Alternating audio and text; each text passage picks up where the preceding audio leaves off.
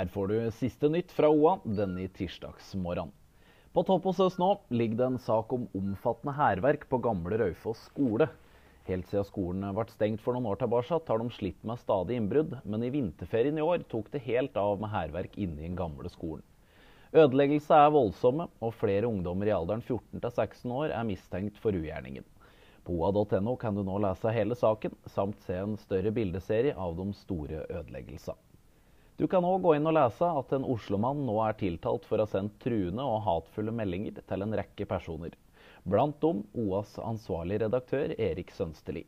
Den tiltalte erkjenner ikke straffskyld og viser til ytringsfriheten. Les mer på oa.no. Gå inn der og få med deg saken om 26-åringen Johannes Krokeide Kolberg fra Gjøvik, som nå skal reise til Boston og selveste Harvard University på stipend fra Aker Scholarship.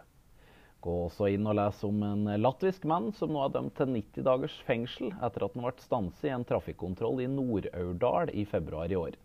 Da betjenta sjekka varebilen hans, fant de intet mindre enn 450 liter vodka og 98 720 sigaretter. Les mannens forklaring og mer om saken på nett hos oss nå. Du finner også på front en oppdatering av den såkalte Øveråsen-saken, som skal opp i formannskapet i Gjøvik nå på onsdag. Det gjelder da et tomtetilbud til en av kommunens største produksjonsbedrifter. Øveråsen AS har gjort det klart at de trenger et tomt på minst 50 dekar for en eventuell ny fabrikk. Til slutt tar vi med saken om etableringen av bolig for personer med lav boevne i Hunndalen.